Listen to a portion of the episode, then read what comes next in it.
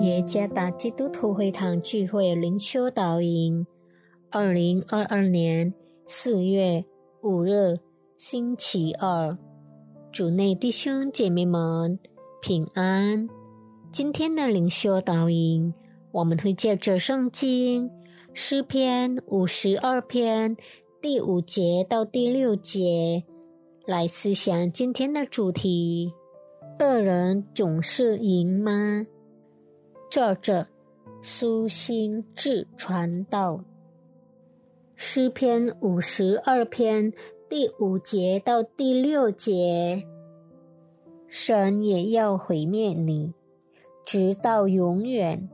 他要把你拿去，从你的帐篷中抽出，从活人之地将你拔出。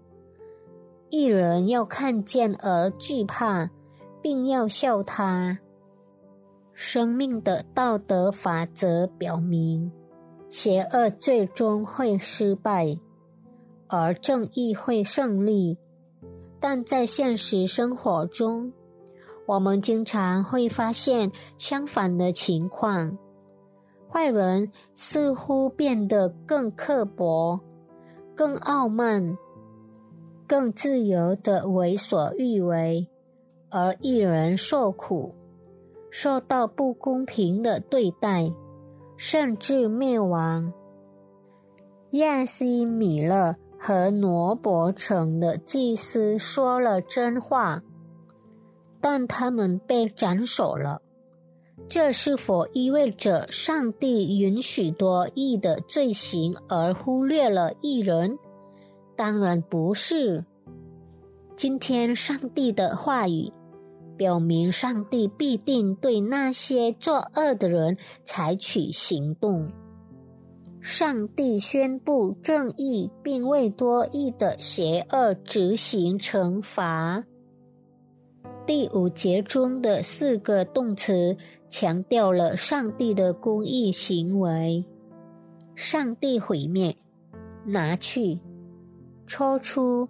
和拔出，上帝的公义和审判在今天多义的生活中得体现，因为一人要看见。参看第六节，上帝肯定会出手审判那些作恶的人，以表达他的公义。对我们来说，重要的教训是。第一点，当受到不公平的对待和受到他人的伤害时，记住，上帝绝对不会保持沉默，把它交在公正审判的上帝手中。让我们仍然在上帝和他人面前做得正确。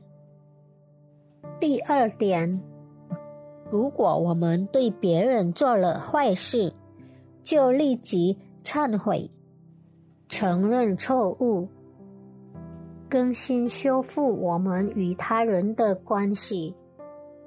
因为神肯定不会保持沉默，他会彰显他的公义，惩罚我们这些继续作恶的人。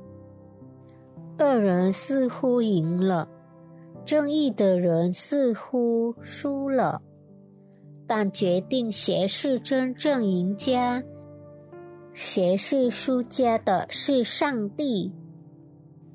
愿上帝赐福大家。